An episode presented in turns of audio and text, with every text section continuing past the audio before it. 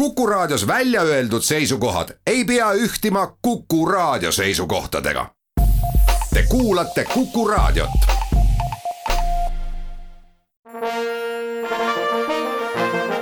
Vanemuise veerand. tere kõigile headele Kuku Raadio kuulajatele. mul on hea meel, et täna on stuudios kaks külalist. tere, Vanemuise balletijuht, tere, Mare Tomikas. tere.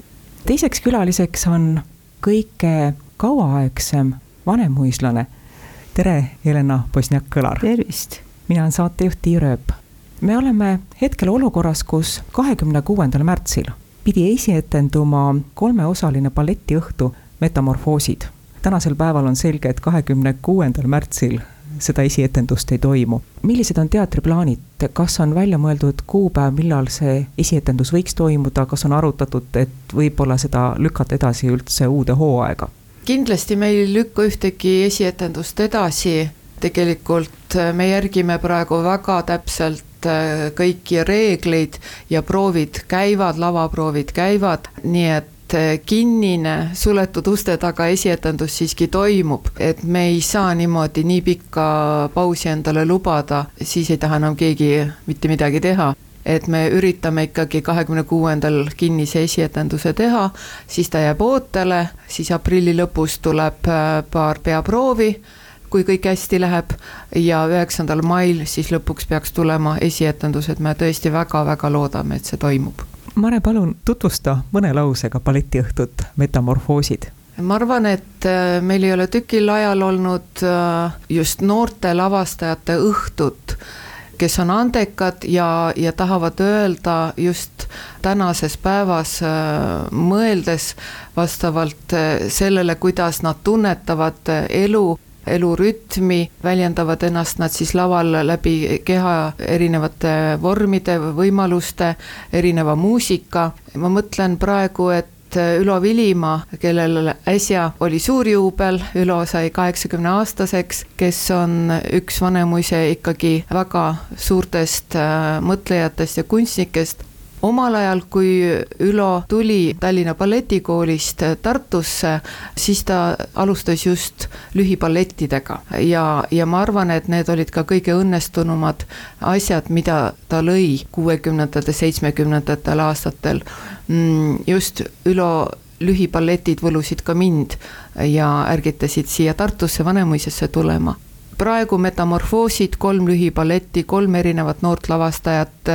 Jack Trailen, kes oli Vanemuise balletitrupis, on nüüd küll vabakutseline, töötab äh, Soomes tema kehakeel, väljendusvormid on rohkem kaasaegse balletile omased. teise osa teeb Matthew Jordan, meie oma tantsija, selles etenduses äh, töötavad hästi kaasa erinevad rütmid, step-tants, flamenco, džäss ja siis Jevgeni Grib, kes on juba tunnustatud äh, koreograaf, äh, ka teatripreemiaid saanud, tema Metamorfoosid, mis on ka siis üldpealkiri sellele õhtule, läheb tagasi ideeliselt Ovidiuse Metamorfoosidesse.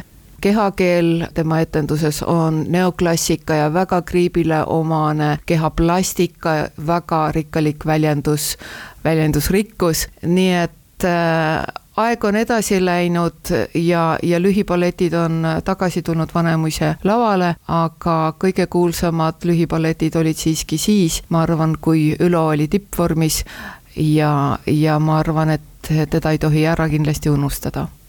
Helena, teie olite siis juba Vanemuises Te olite mitu hooaega tantsinud Vanemuise balletisolistina, kui Ülo Vilimaa saabus Tartusse, tuli Vanemuisesse kas teie silm ütles kohe, et see on üks eriline inimene, kes on tulnud Vanemuise balletti? jah, tundus küll nii, ma, ma olin siis natuke noorem, võib-olla mul ei olnud sellised arusaamad äh, meie balleti põhimõttest, aga tean seda, et meid nõuti siia tööle, et tõsta klassikalise balleti taset. selleks me tulime ja Vaene Urbel, kes oli oleks olnud äh, suurmeister küll Labani jäljendajana, no äh, niisuguse plastikapalleti, modernballeti osas, oli sunnitud äh, lavastama puhast klassikat ja, ja varvastel. nii, nii me ka aretasime seda klassikalist balletti Vanemuise teatris. seitse aastat hiljem tuli Ülo ja millega ta paistis silma, sest ta oli teistsugusem kui kõik teised. temal oli juba oma väga kindlad ja väga efektsed numbrid, nagu oli see Polišanel, nagu oli see kratitants, mida ta lavastas algselt Saareke, siis ta ise natuke täiendas seda ja oli Pärdi kollaaž ja need numbrid äh, olid väga isesugused, kus Ülo suutis näidata seda muusika sisu mitte ainult läbi klassikalise koreograafia, vaid läbi kogu keha. et kui väl-, väljendusrikas oli tema keha või käed, et, et väljendada selle muusika olemust ja sisu nii et sellega ta paistis juba välja siis. ja siis muidugi esimene ballett, mis ta lavastas Ida Urbel, no tema ka äh, omapoolsete ettepanekutega, see oli äh, nagu pomm meie balleti äh, olemasolemises, sest see oli niivõrd teistsugune ja niivõrd efektne ja niivõrd musikaalne ja, ja tehniliselt puhas, nii et see koostöö Urbili ja Viljamaa vahel kandis väga-väga head vilja milline Ülo Vilimaa lavastustest või rollidest on just nimelt teile kõige kõnekam olnud, teid kõige enam puudutanud, mida te kõige kõrgemalt hindate tema loomingus no,? raske, et see oleks üks või kaks, neid oli mitmeid ja miks?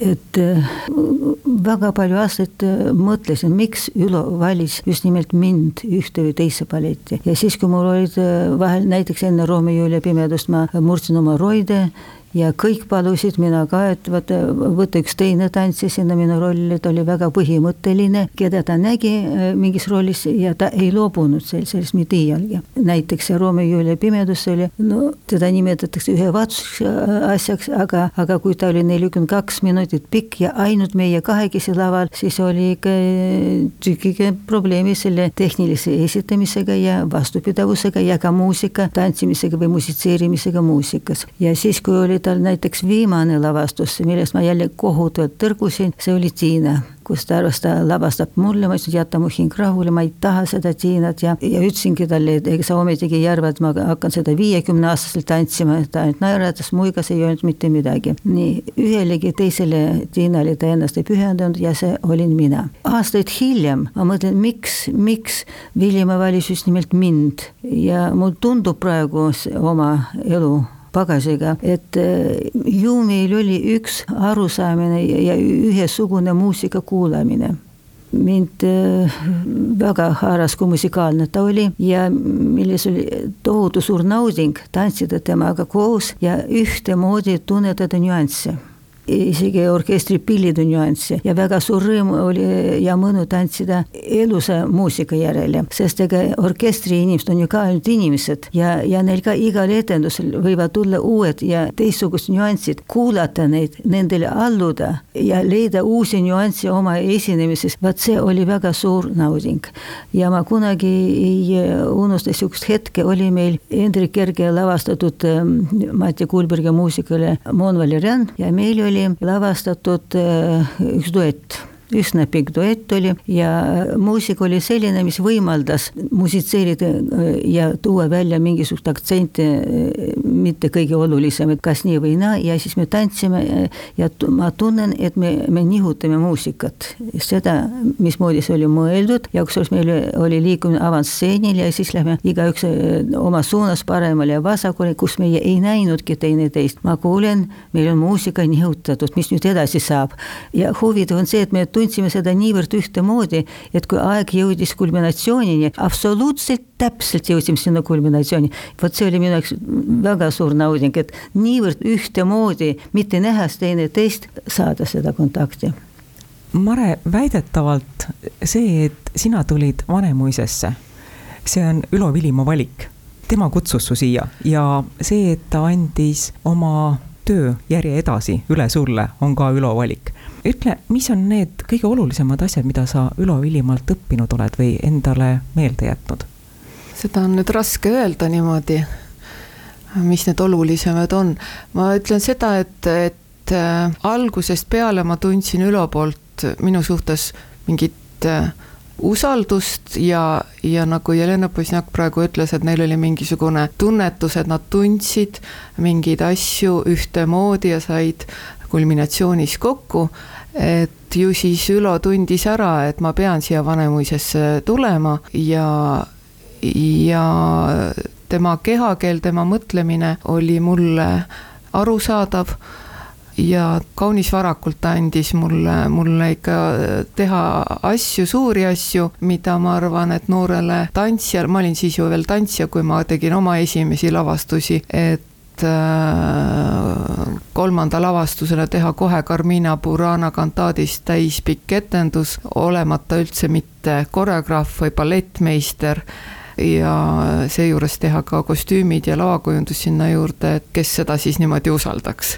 aga Ülo usaldas ja Ülo liikumises oli midagi mulle sellist, mida, mida ei pidanud lahti seletama et oli ka hiljem proovisaalis nii, kui ta ei lavastanudki mulle mingeid samme ega kätepositsioone, ta ütles lihtsalt, et sa tead ise, mis sa pead tegema. see oli näiteks tema viima-, üks viimaseid lavastusi, Prügikasti lapsed, kus oli suht arusaamatu muusika tegelikult ja seda oli, ei, ei saanud seda ei lugeda ega ei ta kohati ei olnud üldse vastuvõetav ka.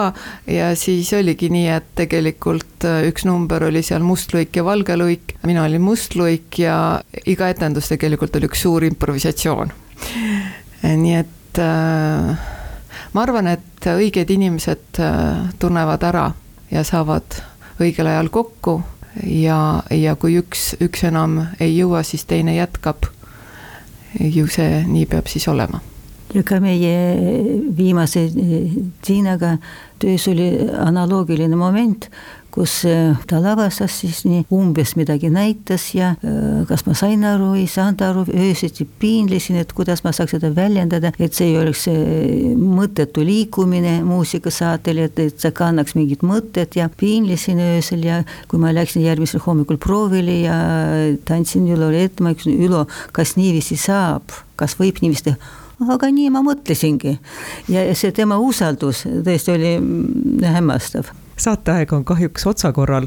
mul on väga hea meel, et tulite saatesse külla, aitäh teile, Helena Bosniak-Kõlar. aitäh kutsumast. aitäh, Vanemuise balletijuht Mare Tomingas saatesse aitäh. tulemast. aitäh, aitäh kõigile raadiokuulajatele, me kõik teame, milline olukord praegu Eestimaal on, seda lahti seletama pole mõtet hakata ja kuna teatrid ei saa mängida siis Vanemuise veerand on solidaarne teatritega ja on täpselt sama kaua pausil, kui teatritel lubatakse uksed lahti teha ja publik külla kutsuda, siis on ka Vanemuise veerand taas eetris. aitäh kõigile kuulajatele, jälle kuulmiseni. Vanemuise veerand